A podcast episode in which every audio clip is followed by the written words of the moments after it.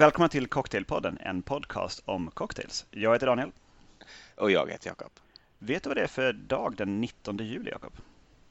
Den 19 juli? Mm. Nej, det jag vet att det är den 19 juli, men jag vet inte vad det är som är speciellt med den. Jag gissar att det har med veckans tema att göra. Det är den internationella daiquiri-dagen. Det är det, ja. Allting har ju en egen dag liksom. Mm. Från kanelbullar till ostron till eh, daiquiri.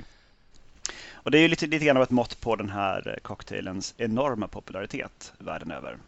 Ehm, delvis lite grann för att den har förenklats ganska mycket, eller förstörts ett tag under 80-90-talet. Men vi kan återkomma till det. Det var ju där den liksom verkligen slog igenom globalt. Vad betyder daiquirin för dig, Jakob? Ja, det betyder väl, alltså det är ju på något sätt ett grundrecept nästan för en drink. Eh, jag tycker det är väldigt spännande att daiquirins historia är så oerhört väl dokumenterad till skillnad från nästan alla andra klassiska drinkar som ju på något sätt vars ursprung är höllt i dunkel så är inte det riktigt fallet med daiquirin och jag tycker det är extra förvånande med tanke på hur på ett sätt ospecifik den är. Det är tre ingredienser. Det är lime, det är socker och det är rom. Eh, det känns ju som något som borde ha uppstått om och om igen i historien oberoende av varandra, men så är väl inte riktigt fallet. Ja, både ja och nej. Eh, jag har ju forskat lite grann i det där inför dagens avsnitt. Eh, alltså det, är ju, det är ju en rum sour med ett annat namn bara. För det är ju ja, som alla andra sours. Liksom. Sprit, någonting att söta med som inte är en likör och eh, citrus av något slag. Mm. Men eh, Daiquiri har kallats, eh, tror jag, utav Wondridge och säkert någon innan honom också för det främsta romleveranssystemet som finns. Alltså den drycken liksom som, som man bäst paketerar rom i för att på ett väldigt njutbart sätt få i sig denna rom. Ja, ja, ja, jag är med egentligen på det än så länge. Det känns som en, ett rimligt säg. Mm. Men liksom just det, under 80-90-talet så var allting som var lite fruktigt och sötsyrligt eh, men innehöll rom istället för vodka kallades för en daiquiri. Mm. På samma sätt som allting som var, innehöll vodka var en martini. Ja, just det. Eller som jag egentligen föredrar att säga, en, en teenie. Ja, jag, har också börjat kalla dem för teenies för att liksom skilja dem från martini till teenies. Um, och då, eh, just under de årtiondena så använder man ofta sour mix istället för lime och socker. Vad är en sour mix? Det är just vad det är. Det är en, en sötsyrlig pulvergrej som man blandar ut med vatten som blir alltså, den delen av cocktailen. Så bara häller man det tillsammans med rom i en shaker och skakar så har du en eh, 80-90-tals daiquiri. Okay. Jag har inte lyckats hitta faktiskt eh, sour mix i Sverige idag men det måste ju gå att beställa någonstans ifrån tänker jag. Det borde göra det. Det borde kunna komma någon sorts eh jag skulle kunna tänka mig du vet, på någon så här nästan super fine dining restaurang att man i slutet får en sour mix och eh, en liten shaker och så får man liksom blanda till sin egen efter maten drink och så är den ju såklart mycket bättre än något man någonsin skulle kunna göra själv med färska eh, juicer och sådär. Jag, jag vet inte om det finns men jag tycker det borde, borde kunna finnas. Mm, men eh, ja, när våra lyssnare sen eh, får en sån efterrätt på någon av Franzéns restauranger så vet de var de hörde det först. Just det. Um, men i alla fall, det finns lite olika teorier kring liksom, hur just daiquirin uppstod. Det handlar ju mer om hur den fick sitt namn än hur det faktiskt uppstod. För man har ju blandat rom, lime och socker i, i Karibien så länge som man har haft romtillverkning där. Mm. Um, men i alla fall teori ett, en karl som hette Jennison Stockton Cox från Baltimore. Eh, flyttade till Kuba efter spanska-amerikanska kriget och eh, höll där på med gruvdrift. Eh, han ledde en expedition till några nya fyndigheter nära orten Daiquiri som finns på sydvästkusten av Kuba. Eh, han hade gäster över och fick slut på gin. Full katastrof, men herregud, hur ska jag lösa det här? Ja, men just det, det har ju en, en låda av den här lokala spriten, Bacardi. Den testar vi. Och eh, så blandade han det med lime och socker och kallade det för en daiquiri efter den närbelägna byn. Det var teori nummer ett. Mm. Teori nummer två så är den här herr Cox inblandad igen, men det är några gruvarbetare som eh, sitter på en bar som heter Venus Bar. Också det i närheten av byn Dacry. Eh, och där bland dem en, drack de en blandning av rom, socker och lime som lokalbefolkningen också eh, höll på med. och hade hållit på med i några hundra år. Uh, och då tyckte han den här Cox att den här behöver, den behöver ett namn och så valde han namnet Daiquiri efter byn i närheten. Apropå det, jag har förresten hört att det inte ska uttalas Daiquiri utan att uh, det ska typ uttalas Daiquiri. Det har jag också hört, men jag tycker det är svårt. det är ofattbart svårt. Jag, jag, brukar säga det ibland, liksom, kort efter jag hört det, så försöker jag liksom ett eller två dygn, men det, det går ju inte. Det känns ju jättefånigt att gå upp till en bar och be om en, en Hemingway Daiquiri. det, det blir jättelustigt. Jag säger du måste göra det nästa gång. Vi får filma det. Precis. Um, och teori nummer tre så är Mr Cox inte med överhuvudtaget. Då är det en general William Shafter som var med i det spanska-amerikanska kriget och blev under den tiden förtjust i den lokala blandningen av limesocker och rom. Men han lade till is och kallade den då nya drinken för daiquiri.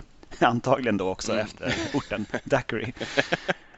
Eh, men det är lite grann så här, det, man har sysslat med någonting i några hundra år och trivts med det. Sen så kommer eh, någon utifrån och bara oj, men det här var ju fint. Jag döper den till någonting och så bara ja, men det, nu är det lugnt. Liksom, nu, nu, nu, finns den på riktigt.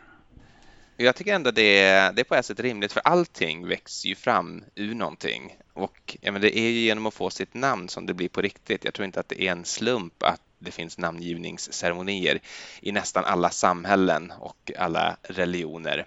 Det är ju när man får sitt namn som man på ett sätt får sin existens Så det gäller väl även drinkar. Så jag kan tycka att den som hittade på namnet daiquiri, den har hittat på drinken daiquiri, även om folk har blandat limesocker och, och rom eh, långt tidigare också. Mm. Ja, då är du antingen den här Stockton Cox eller eh, William Shafter. du får välja själv. Men det som sagt, alltså, det, är ändå, det finns ju mer information om den här cocktailens tillblivelse, även om det är lite motstridiga informationer, än vad det finns på många andra. Så att, eh, här har vi ändå någonting att att stå på. Är, den har tillkommit i, i, på Kuba och har någonting med orten eh, Daikiri att mm. göra. uh, och innehåller lime, rom och socker i olika proportioner och liknande. Jag vet att du har forskat lite grann på din kammare i just proportionerna. Och, jag har lite mera sen om själva ingredienserna, men vi kanske kan börja med dina, ditt proportionsepos. Ja, det kan vi väl göra. Eh, det är ju så att eh, proportionerna i en daiquiri inte är fastslagna. Det är ju ett sånt ganska liksom, gummirecept. Man, det är, liksom, är det lime, socker och rom så är det en daiquiri och sen så kan man i princip använda ljus mörk rom, mörk rom, liksom jamaicansk rom, agricol. Eh, du kan välja hur mycket lime du vill ha, hur mycket socker du vill ha. Sådär. Det är ändå alltid en daiquiri. Du kan liksom inte göra en drink med de här tre ingredienserna och kalla den någonting annat med ett straight face. Och som jag har förstått så finns det i bartendervärlden ganska starka åsikter om vilka som är de rätta proportionerna. Eh, inte lika mycket så bland oss lallare, vilket eh, egentligen irriterar mig, eller förvånar mig och förfärar mig. Jag, tycker att det här borde vara föremål för eh, för liksom avslutade vänskaper och... Så som är fallet med Martinin? Exakt, och, och blodiga liksom, fylleslagsmål på barer och så. Att, att, det, att det är någon som säger att eh, i, i London med 4-2-1 eh, proportionerna, det är där man gör de bästa daiquirin. Medan någon blir helt galen och säger att redan David Embry visste ju att det var 8-2-1 som är den korrekta, korrekta sättet att blanda till sitt gift. Eh, och Eh, jag vet inte, jag har funderat lite grann på att vi kanske borde starta en, en hashtag och börja liksom gå i, i Twitter Twitter och Instagram-krig med andra på sociala medier eh, där, där vi då liksom blir väldigt så här, eh, på ett hätskt sätt eh, eh, klaga på när andra eh, blanda till sin daiquiri fel. Problemet är att vi inte vet vilken som är den bästa proportionen än. Ja, sen så hänger det också på att du och jag, efter att vi har förklarat vad våra favoritproportioner är, fortfarande kan vara ja. vänner och driva den här podden. det, det håller jag inte alldeles för säkert att vi kommer att vara faktiskt. vi, vi, får, vi får väl se då. Eh, men jag har i alla fall eh, blandat till fem stycken daiquiris här. De står framför mig i små provglas och eh, de här proportionerna, de har jag inte hittat på själv, utan det här är då kända och beskrivna proportioner. Och eh, jag ska dra proportionerna nu i eh, tur och ordning och de här går egentligen från torr till söt. Så jag börjar med den torraste och avslutar med den som har proportionellt sett mest socker i sig? Ja, det kan jag säga förresten också. Att eh, på differenceguide.se när jag läste på lite grann om hur man ska blanda till sin daiquiri så rekommenderar han att om man vill vara så här exakt så ska man inte ha sockerlag, åtminstone inte om man gör sitt sockerlag själv. För att det blir ju inte alltid likadant från liksom batch till batch, det kan skilja lite grann. Så Difford föreslår istället florsocker enligt då en viss formula där, där en viss mängd sockerlag innebär en viss mängd florsocker. Eh, påpassligt nog exakt samma mängd, vilket gör väldigt lätt. Han, han, har, han, har, en lång, lång intrikat text om hur man ska räkna ut det där och sen slutar det med i att eh, liksom 5 eh, milliliter florsocker, det är exakt lika mycket som 5 milliliter 2 till 1 sockerlag. Eh, så alla de här är gjorda med florsocker istället för eh, flytande sockerlag. Oj, vansinnigt. Men alltså, menar du då florsocker som är superfine sugar eller menar du powder sugar? Powder sugar. Det är det han skriver? Okay. Ja. För Wonder skriver ju att man ska använda superfine. Det, det är ju någon slags strösocker fast som är lite, lite mindre alltså, kristaller än svenskt strösocker. Men det är fortfarande vitt som strösocker. Liksom, sådär. Just det. Men jag tror att det kallas för caster sugar också ibland. Jag har sett det i receptböcker i alla fall. Jag tror att det kan gå att få tag på på specialbutiker i Sverige eller över internet, men det är inte så där himla, himla mainstream. Men det här är alltså powdered sugar, det vill säga florsocker. Eh, hur som helst, det börjar faktiskt med just David Embrys formula för, eh, eller recept för att blanda till en daiquiri. Ska vi bara säga någonting kort om vem David Embry var? Ja, absolut, jag, jag har ingen koll alls. Jag sitter bara och nickar och ler. Okej, okay.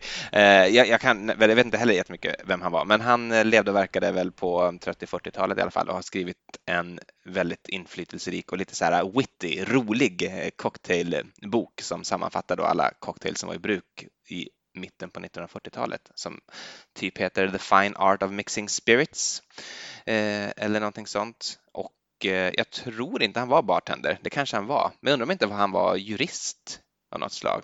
Ja, det spelar ingen roll. Han har skrivit den här väldigt inflytelserika eh, boken för bartenders i alla fall.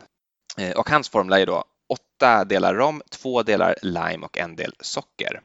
Därefter har jag någonting som jag kallar för bartenders formula och eh, att jag kallar den för bartenders formula det är för att när Simon Difford skulle ha, han, han anordnade någon sorts workshop kring daiquiris någon gång som han har skrivit om eh, och då liksom fick eh, typ massa, massa, massa bartenders eh, pröva sig fram till vilken proportion som var allra bäst för en daiquiri och då var det den här som var, var överlägset populärast bland Londons bartenders.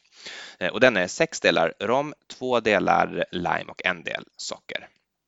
Eh, därefter har vi Diffords formula som helt enkelt är den som Simon Difford eh, rekommenderar när man ska göra eh, daiquiri och det är tio delar rom, tre delar lime och två delar socker. Fjärde varianten då är något som heter London formula som är fyra delar eh, eh, rom, två delar lime och en del socker. Och den här finns tydligen, kom, liksom varit populär på 90-talet för att i London då så hade man sådana mätglas som var 25 centiliter eller 50 eh, milliliter, förlåt, inte centiliter naturligtvis.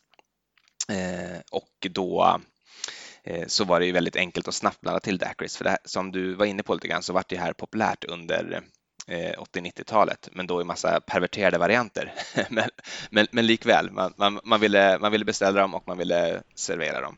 Eh, och då behövde man liksom kunna göra det här väldigt snabbt, så därför hade man den här 4 till 2 till 1 formulan som då passade bra med mätglasen. Och sista då, det är den som jag tror jag nämnt tidigare som är countdown formula eller liksom nedräkningsreceptet. Så det är tre delar rom, två delar lime och en del socker. Så den här har ju då Eh, överlägset mest lime och socker i proportion till rom av de jag har blandat till. Eh, du nämnde ju att det, att det är specifikt Bacardi som eh, finns med där i från början. I ursprungsreceptet ja, men jag kommer att komma in på det också för att Bacardi då och den Bacardi vi har på hyllan idag är inte nödvändigtvis riktigt samma sprit. Okej, okay, intressant. Eh, jag har ju som också nämnt tidigare inte jätteförtjust i Bacardis rom. Den har ju någon sorts lite så här nästan möglig, eh, liksom lite skarp eh, doft och, och liksom smak i bakgrunden som mm. jag inte riktigt är överens med. Det är en specifik gästfamilj eh, som de har som, som heter just någonting med Bacardi som de använder för att eh, jäsa eh, då mm. melassen.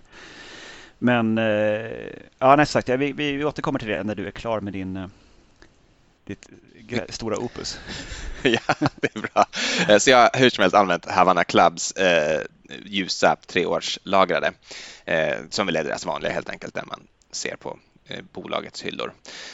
Ja, jag sätter väl igång och jag kör med den ordning som jag nämnde dem. Börjar med David Embrys 8 till 2 till 1 recept. Mm. Eh, den här är ju väldigt rommig kan jag säga. Den är väldigt spritig. Jag eh, känner på mig att det inte kommer bli min favorit, men vi får se. Den, är, den känns som en betydligt vuxnare drink än vad jag förknippar med eh, daiquiri. Så kanske att om man ska börja bråka med liksom andra män så kanske det är den här som ska vara en favorit för då kan man liksom lite grann slå det i huvudet på dem att de andra dricker saft. Ja, nej, precis. Det är samma liksom kurva som för, eh, för martinin. Att ju mm. mindre vermouth du har desto manligare är du. Just det. Och därmed då, ju mindre socker du har i din daiquiri desto mer manlig är du. Det verkar ju rimligt då, kanske. Eh, enligt den logiken i alla fall. Eh, den andra då, det är den här eh, receptet. Mm, och nu börjar det likna någonting.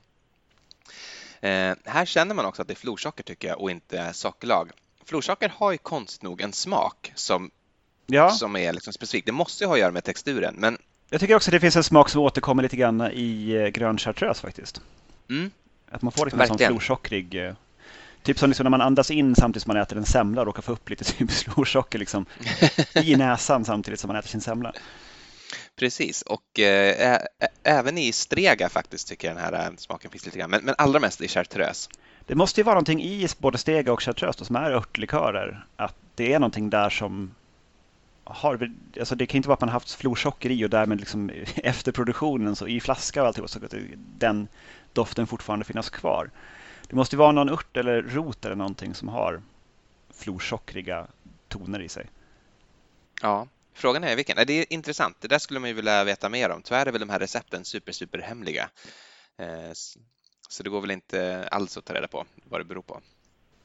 Eh, Bartenders formel tycker jag kändes ganska balanserad. Jag tyckte den var, ja, den var, den var god, tycker jag. Eh, nu prövar jag Diffords då, som är faktiskt väldigt, väldigt lika. Den låter ganska olika, för Bartender är ju 621, Diffords är 1032. Ganska komplicerat, men om man kollar på faktiska liksom, måtten här, jag kan bara jämföra dem, så har vi i Bartenders, så om vi säger att vi utgår från 3 centiliter rom, vilket jag har i alla de här provglasen, så är det i Bartenders 1 centiliter lime och i Diffords 0,9 centiliter lime, så det är ganska lika. Eh, och i Bartenders är det då 0,5 centiliter socker och i Difford 0,6 centiliter socker. Så Difford har lite, lite, lite, lite mindre lime och lite, lite, lite mer socker. Men i övrigt så är den eh, likadan. Jag ska pröva och se om jag tycker att man känner någon avgörande skillnad. Ja, den, den är faktiskt, ja, det är konstigt nog så är den då, den är betydligt sötare. Det här känns mer som, som jag förknippar med en daiquiri. Alltså att det är en tydlig sötma. Ehm, men jag vet inte vilken tycker är godast. Jag tycker å andra sidan att den är lite för lite syra i Diffords. Så jag håller nog ändå de här bartenderna högre än så länge. Eh, Okej, okay, nu kommer vi in på de två söta då, London och Countdown. Och jag börjar med London som ju var eh, proportionerna 4 till 2 till 1. Det är gott. Det här, det här är precis vad jag tänker mig. Det, det, här, det här är mitt... Eh, det här är, om man får in liksom, är på en Alltså om man beställer en daiquiri på ett hak, då tror jag att den smakar så här. Det är gott, det är jätte, jättegott. Men det är liksom ingen sublim upplevelse. Men eh, det är definitivt början på en underbar kväll. Eh, eller som i det här fallet, en underbar morgon får man väl säga, för vi spelar in ovanligt tidigt av olika logistiska skäl. Du sitter med en, en, hel, liksom, en hel halv meter med daiquiris framför dig och klockan är elva på söndag morgon. Eh, så kan det vara ibland. Det var eh, det var inte tanken från början, men det var det enda vi lyckades eh, hitta, enda gemensamma tid vi lyckades hitta tyvärr denna vecka. Okej, sista då, 3, 2, 1 som ju då kallas för countdown-formula. Ja, det är också gott, men nu när jag har smakat de andra så tycker jag att den är den är för nästan konstigt nog lite för blaskig. De andra har ju mera bett i sig eftersom det är en större proportion rom. Eh, min favorit blir Bartenders eh, receptet, det vill säga sex delar rom, två delar eh, lime och en del socker. Så där har vi, där har vi min liksom, grund att stå på när jag nu ska börja kriga med andra om vilken som är, vilken som är den bästa proportionen. Kanon. Jag, jag vet inte riktigt hur jag ska översätta, för jag har ju ett favoritrecept som är från David Cates Smugglers Cove-boken. Mm. Där är det två ounce eh, ljus rom, tre fjärdedels ounce lime och ett halvt ounce 2 till rätt eh, sockersirap gjort på råsocker.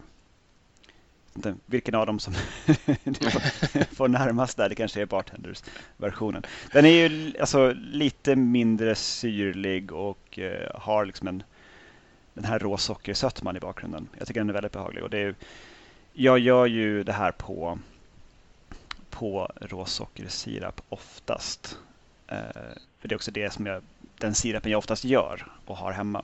Eh, jag har provat den också med lite mera lime. Jag tycker inte det gör någon större skillnad. Alltså det, det är gott det också. När man får lite mer syra, det är lite grann vad man är sugen på. Jag måste säga att det som förvånar mig ändå med det här eh, är hur, att det ändå är liksom en tydlig skillnad på den här Bartender och Difford, vilket, vilket ligger så himla nära varandra. Att det ändå, att så små liksom justeringar i proportionerna ändå faktiskt när man prövar dem sida vid sida är klart urskiljbara och eh, liksom ger verkligen varsin tydlig profil. Eh, intressant, det hade jag inte heller väntat mig, så det var ju kul, eh, kul att upptäcka. Mm. Men vad tror du det beror på då? Att det, alltså i martini-kretsar, liksom att man kan man kan liksom börja veva inne på en bar om någon eh, har i en skvätt för mycket vermouth i sin martini. Eh, eller för den delen skakar den istället för att röra den. Ja, alltså jag tror ju så här, nu, nu eh, improviserar jag lite grann, eh, men jag tror att det kanske börjar i James Bond. Så här lite grann är min eh, tanke. Eh, alltså, vi har ju då skakad inte röd, eh, vilket ju är en, en kontroversiellt sätt att göra en martini från första början. Så redan liksom i i, i, den, i det populärkulturella fenomen som liksom lyfter martinin och, och gör den till en känd drink så finns det liksom en, en kontrovers inbyggd. Eh, och liksom, det finns redan där en anledning att diskutera hur fan ska man göra den här drinken? Eh, för man vill ju vara som Bond, mm. men samtidigt gör ju han på fel sätt. Men varför har man inte bråkat liksom just om, om, om Dacryn då? När det nu ändå är så pass stor, stor skillnad liksom smakmässigt mellan olika? Jo, om du tänker då, tänk, tänker vidare på det här så har ju då, kanske tack vare Bond, kanske tack vare Frank Sinatra och kanske tack vare en mängd andra orsaker också. Jag tänker Churchill faktiskt på Martinin. Han hade ju det, det klassiska, liksom, att jag vill kunna se vermouten från andra sidan rummet och sådär. Just det, just det. Men alla de här grejerna, eller alla de här äh, personerna är ju liksom ikoniska män och jag tror Martinen är ju extremt manligt kodad. Den passar sig väldigt väl för manlig osämja och äh, vänskap. Gör inte det? Eh, Dacrin har ju obegripligt nog obegripligt nog kodats eh, som väldigt feminin. Det kanske har med det här eh, 90-talet att göra som du kommer att komma till. Eh, så, så, jag kan tänka mig att, eh, att det finns någon sorts tanke om att daiquiri är en tjejdrink och därför så är det inte, det är liksom inte värdigt för, för tuffa hipsterkarlar och, och hålla på och ha åsikter om, om den. Eh, vilket jag tycker också är lite är historiskt inkorrekt eh, med tanke på att Eh, den, den började som en sorts drink för gruvarbetare i, i, i Kuba. Ja, och sen liksom... också var väldigt, eh, den är väldigt förknippad med eh, en urhipster i alla sammanhang, nämligen Ernest Hemingway. Ja visst, och även då en karakar av, av mått får man ju säga. Men det kanske man kan ta som en liten segway in till just uh, The Hemingway Daiquiri. För där är jag lite inne på, fast av andra skäl, att den ska vara väldigt torr. Nämligen så att, eh, och det brukar ofta stå att Hemingway hade eh, diabetes. Det hade han dock inte. Han hade en sjukdom som hette hemakromatosis som kan leda till diabetes. Så det här är en väldigt viktig distinktion tycker jag här i, i sjukvårdspodden. Um, men i alla fall, så han uh, var, spenderade mycket tid på Kuba. Uh, det här är ju för revolutionära Kuba. Uh, så det var väldigt kopplat till USA och med lite mer välbeställda amerikaner som kunde resa ner till Kuba. Eh, framförallt under förbudstiden så var ju Kuba väldigt stort eh, som resmål för eh, lite dryckessugna amerikaner som kunde ta en, en kort flight över till Kuba och sen mysa med lite sprit. Och då var det ju ofta rom, socker och lime man fick i sig. Ehm, Hemingway, väldigt sådär, det, det är väl dokumenterat på det sätt som cocktails är väldokumenterade. Att det är man har sagt att så här var det. liksom. mm. Men i alla fall, på La Floridita bar i Havanna, som fortfarande finns kvar idag, fanns det en bartender som hette Constantino Ribalaiga Vert. Eh, och, eh, som då var liksom Hemingways bartender. Han gick dit och, och drack liksom på dagarna och, och svalkade sig. Och han sa att jag gillar liksom den här daiquirin du, du har gett mig men eh, jag skulle vilja ha den utan socker och med dubbla mängden rom tack. Vilket då mm. ungefär blev fyra ounces rom till ett ounce limejuice och inget socker överhuvudtaget. Har vi då nästan en Ricky om vi ska återknyta till ett Absolut. tidigare det är en rum Ricky. En rum Ricky. Precis. Väldigt, väldigt torrt. Och det var just då för att han var orolig för att eh, utveckla diabetes så småningom. Eh, och det här döpte då Konstantino till Papa Doble. Eh, Hemingway kallades eh, kärvänligt på Kuba för Papa. Papa Hemingway. Det här var ju när han var lite till åren kommen. Um, och sen så utvecklades den här drinken då vidare utav en annan bartender på La Floridita som heter Antonio Meilan. Och då la han även till grapefruktjuice och en skvätt maraschino-likör som är lite sött. Mm. Och det kallas då idag för en Papadoble eller en Hemingway Special Daiquiri. Okej, okay, jag har fått för mig att det är ananas, eh, men det kanske jag helt... Nej, det är eh, grapefrukt. Det är grapefrukt? Ja, och i Different Sky så föreslår man också för moderna gommar att en skvätt socker eller sockersirap är ingen dum idé för att balansera den här saken lite grann. Om man inte är riktigt lika eh, förhärdad alkoholist vill jag säga som Ernest Hemingway ändå var. Men jag kan ta proportionerna i nutidens Hemingway Special Daiquiri eller Papadoble. Och då är det 10,5 centiliter ljusrom. Oj, ja, mm. det är rejält. 3 centiliter grapefruktjuice, 2,25 centiliter maraschino-likör, 3 centiliter limejuice och 1,5 centiliter 2 1 sockersirap som man kan också kan utesluta om man vill vara lite mer hardcore. Eh, så vi hade ju som sagt, det jag nämnde i festavsnittet, vi hade ju med Hemingway Daiquiri som en eh, cocktail på våra menyer vi hade hemma, jag och Emily, när vi hade gäster på besök. Och det var något som folk liksom smög sig fram emot och tog som kanske en drink vid 10-11 tiden på kvällen när de kanske inte borde ha slungat ner 10,5 centiliter rom i kroppen. Så att vi fick sluta med det sen småningom för att det vart, det vart lite övermäktigt för folk. Um, men eh, Constantino Ribarago har, Vert då, har även ett annat claim to fame eh, som varit djupt bastadiserat under 80 och 90-talet eh, via slushy machines, nämligen The Frozen Daiquiri.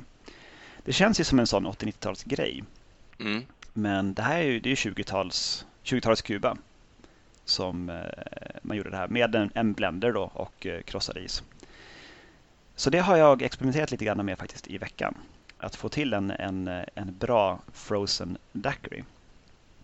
Och då eh, via Serious Eats som har ett, ett bra cocktailkapitel cocktail kapitel kan man säga, eller del av sin hemsida med olika cocktail och cocktailtips. Så jag har hittat den här tekniken och då tar man två ounce eh, rom, tre fjärdedels ounce limejuice och tre fjärdedels ounce 1 till 1 sockersirap. Man får i lite mer vätska där. Mm. Och sen så lägger man det i en påse i frysen och sen får det ligga över natten eller åtminstone några timmar tills det blir som blivit halvfruset. För med tanke på alkoholen och sockret så blir det inte helt fruset utan det blir som en liten slushy bara det. Just det. Och sen så eh, sätter man också blendern man ska använda gärna i kylskåp. Så att den inte, den får inte gärna vara helt iskall för att då blir glaset lite skört. Så man tar den. eh, kylskåp är bra. Men den får inte vara liksom varm för då smälter isen lite fort. Och sen eh, i med blandningen och isen och då ungefär 100-160 gram krossad is men typ en, en rejäl näve eller liksom nästan en deciliter liksom krossad is. Eh, och sen kör man det här i blendern tills det är som i, i slush eh, eh, konsistens och sen häller man upp det i ett fryst cocktailglas eller kokglas. Och serverar med ett, gärna ett kort sugrör så man liksom kommer lite nära den här högen utav is. Och nu är ju sommaren liksom officiellt över så jag önskar att vi hade börjat med frusna cocktails lite tidigare och hittat den här möjligheten. Vi provade ju tidigare att göra frusna cocktails men då bara la vi ju is och alltså rumstempererad sprit och liksom socker och, och, citrus i mixen eller i blenden. Och, och det vart ju alldeles för, för smält. Mm. Det är som att man fryser ner blandningen först. Och ska man ha gäster på besök så är det bara att man liksom köper krossad is och har en stor påse i frysen och sen så gör man kanske en bytta utav den här blandningen och fryser in som nästan som en sorbet. Mm. Så kan man skeda över det i blenden vartefter. ah, just det. Men det är, det är klokt. Och då tror jag inte att det är så jättenoga med liksom mängden krossad is till mängden utav den här blandningen man har. Utan det är lite som gör ungefärligt så blir det nog bra. Eh, så det har jag gjort och eh, dagen till ära har jag gjort en eh, lite modifierad Frozen Daiquiri. De har bytt ut ett halvt ounce av rommen mot Fernet. En lite, lite torrare och lite urtig. Märkligt nog också lite, lite godissmakande, alltså typ limegodis smakande frusen daiquiri. Nu har vi pratat ett tag så den har ju hunnit smälta lite mer än vad jag kanske hade önskat. Det är mer som en, en isig soppa just nu. Men från början så var det, som, det var ju en, ett litet berg utav eh, av slush-is som liksom gick upp som en kon över glasets kant. Ja, ah, vad vackert. Mm, och det ska vara varmt och det ska vara hög luftfuktighet när man eh, dricker de här. Det är också därför liksom som eh, eh Eh, den här bartendern kom på att eh, det här, det här är ju någonting som vi faktiskt behöver till våra gäster för att eh, airconditioning var inte så vanligt hela tiden. Man fick ju kyla sig på annat vis.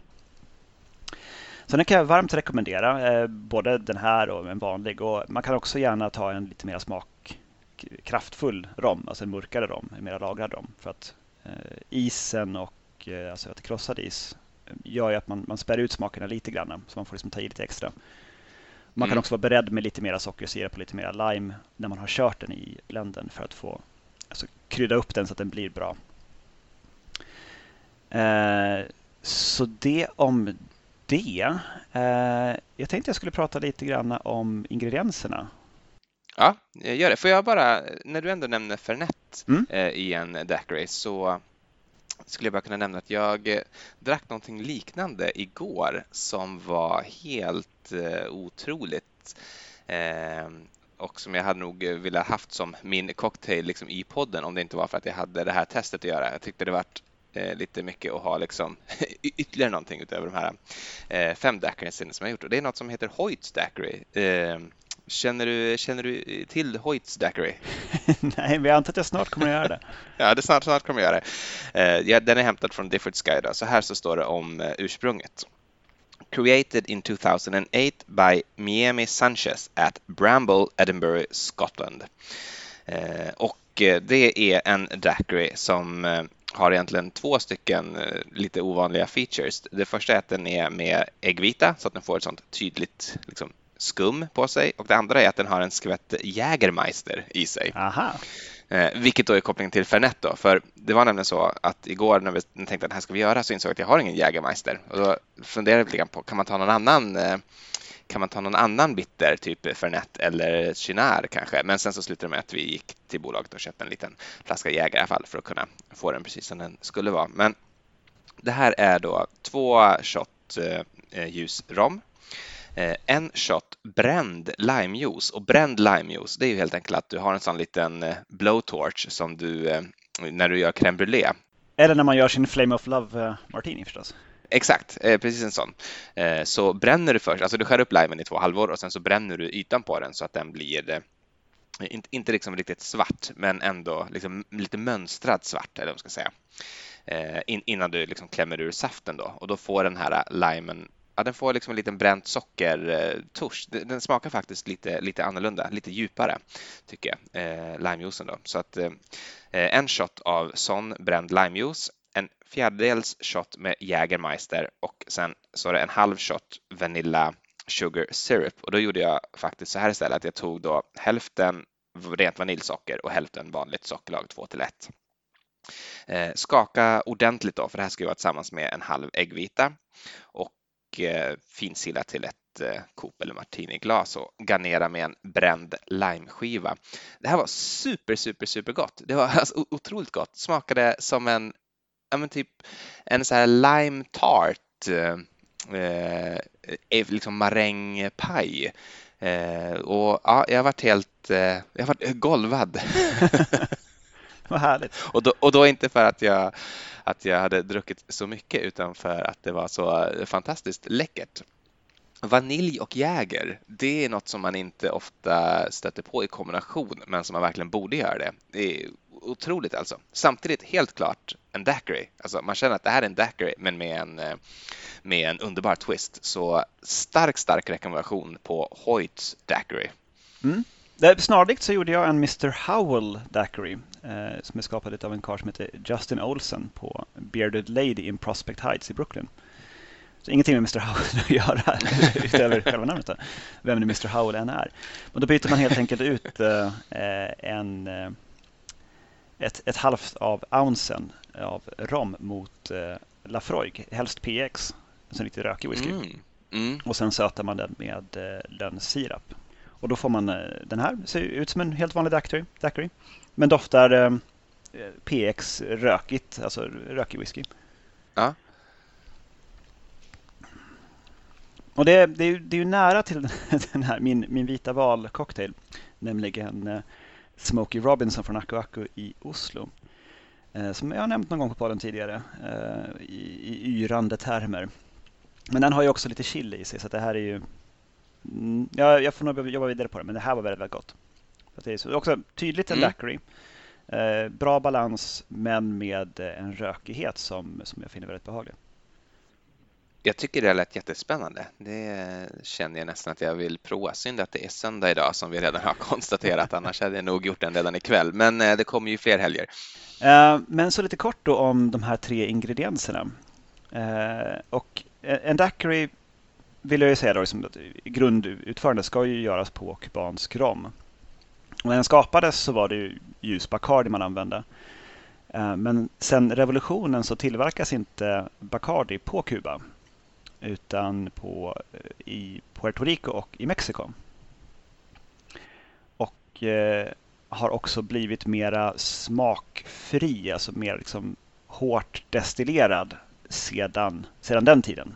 Tekniken har gått framåt så man har gått mot en väldigt eh, neutral rom. Det är en svag ton liksom av lite sötma från, från socker och eh, sen den här liksom lite mögeltonen som du ständigt pratar om när det gäller Bacardi. som jag också håller med om. För jag tycker att det är någonting som är lite, lite off med, med Bacardi Superior White Rum. Men eh, David Wondrich föreslår i alla fall Havana Club treårig som vi har nämnt också, som du också har i dina cocktails där. Eh, Eh, deras treåriga variant som ett bra liksom, approximation, ungefär liksom vad, vad de här drinkarna skapades på. Och eh, Havana Club eh, tillverkas ju fortfarande på, på Kuba i ett sam eh, samarbete mellan Pernod Ricard och kubanska staten. Eh, tillverkas också i fabriker, delvis i alla fall i fabriker där Bacardi från början tillverkades. För i och med revolutionen så flyttade Bacardi-företaget eh, produktionen utanför Kuba och eh, då framförallt eh, Puerto Rico men numera även också i Mexiko. Um, för att röra till det lite, lite grann där så säljs det nu eh, också en rom av märket Havana Club i USA trots embargot. För att man har ju inte sålt kubanska produkter i USA sedan revolutionen. Ja, just det. Men det finns Havana Club i USA. Men denna tillverkas inte på Kuba utan i, på, i eller på Puerto Rico. Eh, av Bacardi. Så att eh, det, man har liksom gått full circle där och man bråkar fortfarande idag i rätten om huruvida en kubansk rom ska komma från Kuba eller inte och om då eh, Bacardi har rätt att kalla sin Puerto Rico-rom för eh, Havana Club. Och liksom, det ska vara Cuban rum. Men den Havana Club vi får här i Europa, den, den är från Kuba. För vi har inget embargo mot, mot kubanska staten. Så det om det. Eh, Havana Club 3 det, jag kan varmt rekommendera. Jag håller med dig i din rekommendation. Havana Club, treåriga, billig och eh, liksom himla bra mm. Ja, den, har ju någon, den har ju någon smak som, som är angenäm. Bacardi eh, Superior White har ju också en smak, men jag finner den inte så angenäm. Uh, sen blir det desto svårare med, uh, om man ska vara liksom historiskt korrekt, uh, i alla fall här i den här delen av världen, när det gäller limefrukterna. För de limefrukter vi använder idag, det är inte de som man hade under 1800-talet och även det tidigare 1900-talet i, USA. Eh, de vi har idag är persiska limes eller Beers limes, alltså Beers B-E-A-R-S-S limes eh, som utvecklades i Kalifornien eh, sent 1800-tal, 1890 någon gång av en John T. Beers med dubbel S på slutet. De togs fram då för att vara större och ha ett mer hållbart skal för att kunna transporteras och även att vara kärnfria. Eh, till skillnad från då key limes som var den lime man använde i USA och eh, i övriga världen eh, för cocktails. Och key limes är, de är mindre och de har kärnor, de har ett lite skörare skal. Eh, och då användes det ända, ända in på 1900-talet, ända in på till specifikt fram till 1928 så var key limes den vanliga limen man använde i USA. Eh, men då, det var två orkaner 1926 och 1928 som nästintill helt och hållet totalförstörde odlingarna i Florida av key lime. Och det var liksom den huvudsakliga odlingen som bedrevs i USA vid den här tiden av limefrukter. Och när man då liksom byggde upp igen så använde man den här mer stryktåliga limen, eh, Bears lime eller persisk lime. Så det betyder att recept som är skrivna före 1928 är skapade utifrån key limes. I alla fall med största sannolikhet. Och smakmässigt då? Smakmässigt så eh, Key Lime ska ha en, en, mer, liksom mera, en annan doft helt enkelt. En doft som gör att man uppfattar dem som sötare. Medan de i själva verket är egentligen syrliga rent pH-mässigt. Det är samma som jordgubbar tror jag har samma fenomen. Att jordgubbar är egentligen extremt syrligt men upplevs som sött på grund av någon sorts liksom, doftlur. Mm, och det är också, man, lägger man vanilj i någonting så uppfattar man ju det som sötare än vad det egentligen är. Just det. Eh, för att man är så van vid att eh, vanilj är en, ja, en söt smak. Ehm, men det betyder alltså också att man har ett äldre recept som eh, framförallt om det anger lime i liksom saften från en lime som en del av receptet istället för en uppmätt del, eller antal centiliter.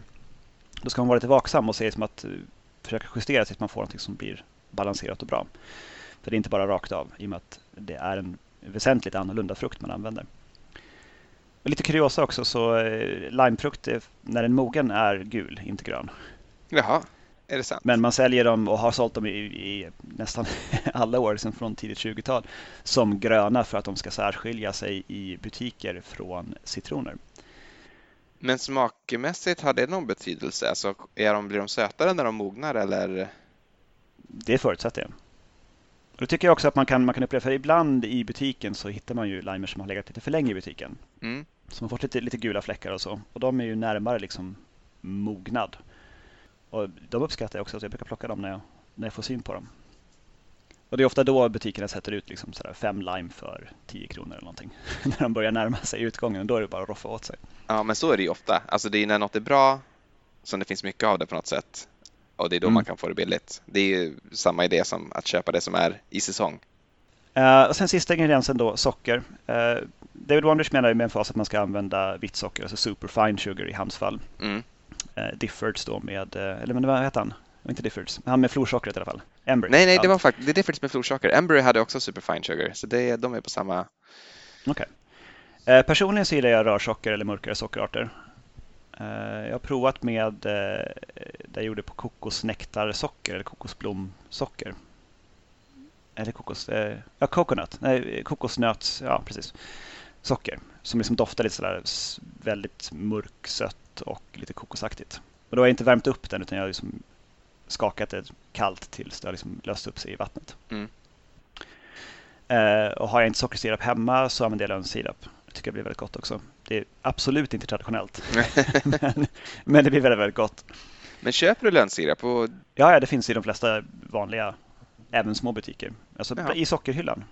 Ja, det ska jag kolla nästa gång. Så finns det någon flaska med uh, Maple Joes och så är det en bild på en uh, flanellskjorta beklädd kanadensare får man väl anta. Eh, jag har också provat att göra ett eh, så kallat oleosaccharum med eh, limeskal och socker och använt det i en daiquiri inför avsnittet. Mm. Alltså att man, man river skalet och låter det ligga med socker och sen så använder man det sockret i receptet. För då drar sockret ut oljan ur skalet. Just det. Um, och det, då får man en väldigt så Roses lime, nästan Gimlet-liknande smak. Alltså lite god, som typ lime-karameller kan smaka. Mm. Eh, för man får in lite mer av det i drinken. Det är absolut värt att eh, experimentera lite mer med. Det där är för ett tips som jag kan ge då, knyter an till det. Om man vill göra sin egen lime cordial så kan man göra på just det sättet. Jag tycker inte att Roses är så god, eh, men det är väldigt enkelt att bara eh, ta, alltså skala typ fyra lime och eh, mortla dem tillsammans med en, en stor mängd socker, men två, två deciliter socker kanske. Eh, därefter, liksom dagen efter när, när det har fått lägga och mosa till sig ett dygn så kan du bara ta juicen från samma lime och eh, samma limer och hälla i och, och liksom värma upp, inte koka, men bara värma upp så att det löser sig ordentligt och liksom sila bort eh, skalrester och så, så har du en fantastiskt god lime cordial till skillnad från roses. Men när du säger, när du säger skala, då menar du riva skalet? Nej, jag menar skala dem. Alltså ska, skala dem med en, med en, med en hyvel, liksom. eller vad heter det? En sån potatisskalare har jag gjort. Mm, Okej, okay. men man lämnar fortfarande liksom den bittra biten kvar? Ja, ja, ja precis. Eh, det ska jag faktiskt prova. det, det är just det, liksom att jag, man vill ju ändå göra en gimlet men jag, jag, kan inte för mig att köpa Roses Lime i butiken. Det, det, är ofta en ganska stor flaska och vad ska jag göra med den? Liksom? Um, men sen så har vi, vi har lite sådana honorable mentions av uh, daiquiri-liknande cocktails som jag gärna vill ta upp också. Mm. För att det, det lånar sig väldigt lätt den här templaten till att göra liksom små spin-offs. Och eh, Pineapple Daiquiri byter ut uh, sockret mot uh, Pineapple Syrup, eventuellt lite muddlade ananasbitar om man vill. Uh, Raspberry Daiquiri, då är vi inne på 80-90-tal där. Um, men istället för liksom att göra den på sour mix eh, så kan man göra den som en helt vanlig daiquiri men du muddlar några röda hallon i shakern. Mm. Och så får du en väldigt eh, så, så klar röd vacker eh, eh, raspberry daiquiri men som fortfarande är väldigt tydligt en, en daiquiri. Eh, I avsnitt 16 så gjorde jag en Stiggins Daiquiri med bland annat Stiggins Fancy Pineapple Rum från Plantation. Just det som är otroligt bra. Alltså, om man någonsin ser en sån på hyllan någonstans, inte på Systembolaget för där finns den inte, men var man än kan vara, köp den. Köp den direkt, köp två. den är underbar. Bara som den är också och, och liksom ha som sipping rum. Stiggins Fancy. Stiggins Fancy heter den. Pineapple rum. Will do. Och sen uh, The Old Cuban. Då har man en vanlig daiquiri som är skakad med myntablad och toppad med torr champagne. Och gud vad gott. Mm -hmm. Ja, det är riktigt fantastiskt. Jag kan verkligen tänka mig att det är typ det godaste man har druckit, i alla fall i den stunden man dricker det. Ja, jo, det är utan tvekan. Eh, så jag tycker den har ett fint namn också, The Old Cuban. Om inte du har någonting annat så har jag några enkla regler från, från mig angående hur man eh, njuter en god daiquiri. I så fall så tycker jag att du ska dra den, för jag är klar. Nummer ett. Färskpressad limejuice, inte från flaska som alltid och i alla cocktails där man har lime eller citrus överhuvudtaget. Yeah. In, inte färdigpressad. Dock så, som vi var inne på i tidigare avsnitt, så kan man med fördel låta eh, pressad citrusjuice stå ett litet tag, någon timme eller några timmar, eh, för att man då utvecklar lite försiktigt av bittra ämnen eh, i juicen, vilket eh, eh, i de flesta fall uppfattas positivt av den som dricker. Det är en knappt märkbar förändring. Man behöver alltså inte slänga ut eh, redan pressad limejuice om man inte använder den direkt. Dock dagen efter är det förstört. Då har det blivit för bittert. Använd god rom. Experimentera gärna med lite mörkare romer om man vill ha en annan smak. Men eh, ska man ha en ljus rom, ta en ljus rom som har god smak i sig självt. Och det är ju upp till var och en att avgöra vad det är. För mig är det ju Havana Club och inte Bacardi Superior White till exempel. Men det måste ju var och en få bestämma. Absolut. Om man så vill ha Barracuda så får man det. Och det, det, alltså det blir ju aldrig riktigt äckligt ändå. Alltså även om Nej. man gör det liksom på, på ganska usel rom så ja, men det blir inte äckligt. Så det, det är en sån, en sån template av en cocktail som gör att det, det blir bra ändå. Sen skulle jag säga skaka länge. Använd tillräckligt mm. mycket is i shaken för att det ska vara väldigt kallt. Servera eh, i fryst glas inget, alltså, eh, glaset måste vara kallt. Eh, för att, eh, och det är också nästa regel, drick medan den lever. Alltså eh, en, en daiquiri, nu har vi brutit mot den regeln här idag, men liksom har suttit och sippat på cocktails under ganska lång tid. Men eh, man skakar ju in en del eh, luft i cocktailen, alltså i, framförallt i daiquirin, som finns kvar i den ett litet tag efter att man har skakat den. Som som bidrar till att liksom öppna upp aromer och sånt i, när man liksom sätter näsan ner i glaset. Och eh, ja, drick den någorlunda snabbt helt enkelt. Det här är ingenting man ska sitta och mysa med någon längre tid utan det här är ju som sagt eh, det, det bästa romleveranssystemet som har uppfunnits. Rommen ska ner i magen. Eh, och den sista regeln är lyssna på Buena Vista Social Club. Ah, Både när du gör den och när du dricker den det bidrar med väldigt mycket stämning. Otroligt. Tack eh, så mycket för de fantastiska tipsen Daniel. Jag tror att du har inspirerat lyssnarna. Du har i alla fall inspirerat mig, det kan jag säga helt säkert. Härligt. Eh, det här är ett avsnitt som jag verkligen ser fram emot. För det här, om jag skulle få frågan vilken cocktail vill du ha med dig? Om du får bara få dricka en cocktail resten av livet eller om du är på en öde ö eller så. Daiquiri. Bra. Och är det en någorlunda tropisk ö så har du ju goda möjligheter att få tag på ingredienser för att kunna fortsätta dricka daiquiris. Det blir lite äta det. Det du fått med dig toxigt. Ja men vad härligt. Eh, ska vi, eh, ska vi tacka och skåla ut det här då? Skål och tack.